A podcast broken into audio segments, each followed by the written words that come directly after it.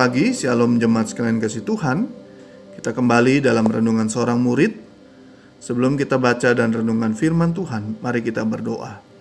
Bapa di surga, kami mau kembali merenungkan firman-Mu. Biar Roh Kudus menyatakan, menyingkapkan rahasia firman Tuhan bagi kami, dan kami terus hidup berjalan seturut dengan firman-Mu. Dalam nama Tuhan Yesus kami berdoa. Amin. Renungan kita pagi ini terambil dari Titus pasal 3. Saya akan bacakan ayat 1 sampai ayat yang kelima. Ingatkanlah mereka supaya mereka tunduk pada pemerintah dan orang-orang yang berkuasa, taat dan siap melakukan setiap pekerjaan yang baik. Janganlah mereka memfitnah, janganlah mereka bertengkar, hendaklah mereka selalu ramah dan bersikap lemah lembut terhadap semua orang karena dahulu kita juga hidup dalam kejahilan, tidak taat, sesat, menjadi hamba berbagai-bagai nafsu dan keinginan, hidup dalam kejahatan dan kedengkian, saling membenci.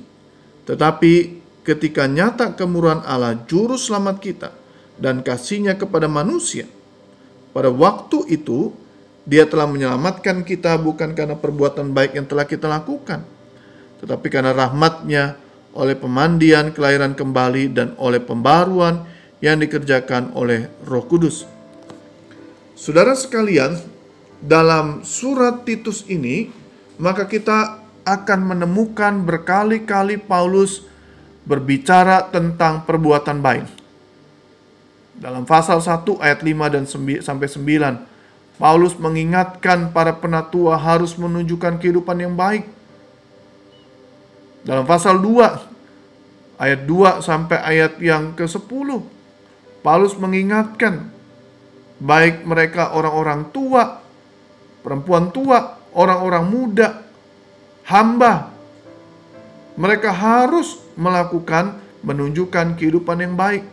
Paulus juga mengingatkan Timotius di dalam pasal 2 ayat 7 dan 8 untuk menjadi teladan dalam perbuatan baik.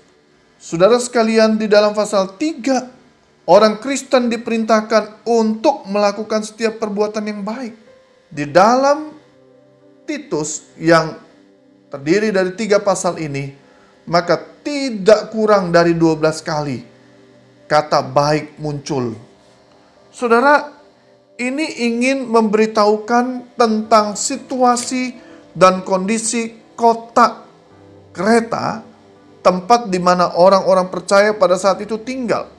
Bahwa orang-orang kereta adalah orang-orang yang sulit berbuat baik. Mereka adalah orang-orang yang terkenal tidak baik. Dalam pasal 1 ayat 12 dikatakan, seorang dari kalangan mereka, nabi mereka sendiri pernah berkata, dasar orang kereta pembohong, binatang buas pelahap yang malas. Dalam ayat 16, pasal 1, mereka mengaku mengenal Allah, tetapi dengan perbuatan mereka, mereka menyangkal Dia, Allah. Mereka keji dan durhaka dan tidak sanggup berbuat sesuatu yang baik. Saudara sekalian, mereka mengaku mengenal Tuhan, tetapi dalam kehidupan, tindakan, kelakuan mereka menunjukkan tindakan yang menyangkal Allah. Tidak ada yang baik di tengah kehidupan orang kereta. Di tengah situasi inilah, maka orang Kristen diminta untuk menunjukkan keteladanannya. Dan ini tidak dapat ditunda-tunda lagi. Nah, saudara, ketika Paulus memerintahkan untuk melakukan pekerjaan yang baik, maka Paulus mengingatkan satu dasar penting ketika mereka melakukan keselamatan ya, melakukan perbuatan baik. Bahwa perbuatan baik mereka itu bukanlah untuk menyelamatkan diri mereka. Saudara, dia telah menyelamatkan kita, yaitu Allah, bukan karena perbuatan baik kita. Banyak orang hari ini menganggap dirinya sudah baik, melakukan perbuatan yang baik, karena itu dia layak untuk selamat. Tidak. Jelas sekali dikatakan bahwa karena rahmat oleh permandian kelahiran kembali dan oleh pembaruan yang dikerjakan oleh Roh Kudus.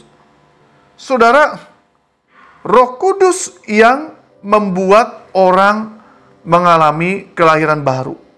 Ini dasar seseorang diselamatkan, saudara sekalian. Yohanes 3 ayat 3. Yesus berkata, jika seorang tidak dilahirkan kembali, maka dia tidak dapat masuk dalam kerajaan Allah. Saudara sekalian, roh kudus yang melahirbarukan seseorang, melahirbarukan kita. Membuat kita menjadi orang yang baru, membuat kita memiliki kehidupan yang berkenan di hadapan Tuhan. Itu bukan karena kita melakukan yang baik, tetapi karena karya Roh Kudus di dalam hidup kita. Nah, karya Roh Kudus ini, saudara sekalian, dilakukan oleh Yesus Kristus di dalam ayat 6 yang sudah dilimpahkannya kepada kita oleh Yesus Kristus juru selamat kita.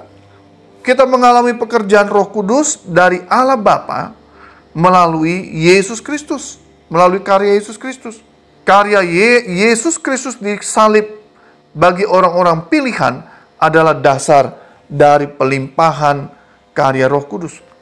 Dengan terjadinya pengalaman lahir baru, baru kemudian seseorang dapat melakukan pekerjaan baik. Seseorang yang dulunya egois, sombong, sangat berfokus pada diri sendiri, kini dia dapat melakukan hal yang baik karena output dari kehidupan yang baru atau seorang mengalami kehidupan yang baru, outputnya adalah perbuatan baik. Sebagaimana Tuhan, dia selalu mengerjakan pekerjaan yang baik, mulai dari sejak penciptaan, sekarang, bahkan selama-lamanya. Dengan kelahiran baru, maka seseorang dapat tunduk dengan benar kepada pemerintah. Ayat yang ke-1. Dengan kelahiran baru, maka seseorang tidak lagi hidup di dalam fitnah, pertengkaran. Dia akan menjadi orang yang ramah, lemah lembut. Pasal yang kedua. Dengan pengalaman lahir baru, seorang dapat melakukan pekerjaan baik dengan cara menghindari persoalan yang dicari-cari, yang bodoh, yang mengakibatkan percekcokan dan pertengkaran. Ayat ke-9. Saudara sekalian, di gereja kita menemukan ketika ada orang-orang yang senang mencari-cari hal-hal yang bodoh, persoalan-persoalan yang tidak penting, yang tidak mulia, yang tidak membangun, yang yang pada akhirnya mengakibatkan percekcokan, pertengkaran. Saudara, mungkin dia belum pernah mengalami pembaharuan di dalam hidupnya. Dia belum mengalami lahir baru. Saudara, pendeknya, orang yang percaya sungguh-sungguh kepada Allah, dia tidak akan diam untuk tidak melakukan pekerjaan baik. Dia melakukan perbuatan baik bukan untuk mendapatkan keselamatan dan perkenanan Allah.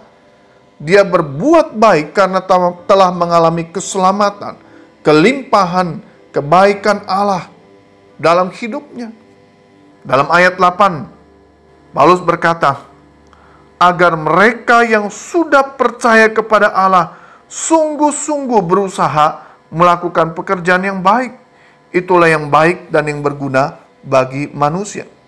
Saudara sekalian, kita yang sudah sungguh-sungguh percaya kepada Allah di dalam Kristus Yesus, boleh saat ini mari sungguh-sungguhlah berusaha melakukan pekerjaan yang baik di tengah gereja, di tengah keluarga besar kita, di tengah lingkungan, masyarakat, bangsa, dan negara. Ketika orang percaya berlomba-lomba melakukan perbuatan yang baik di dunia ini, maka dunia akan menjadi lebih baik.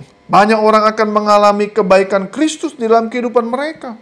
Dan itulah tanda bahwa orang percaya hidupnya berbuah.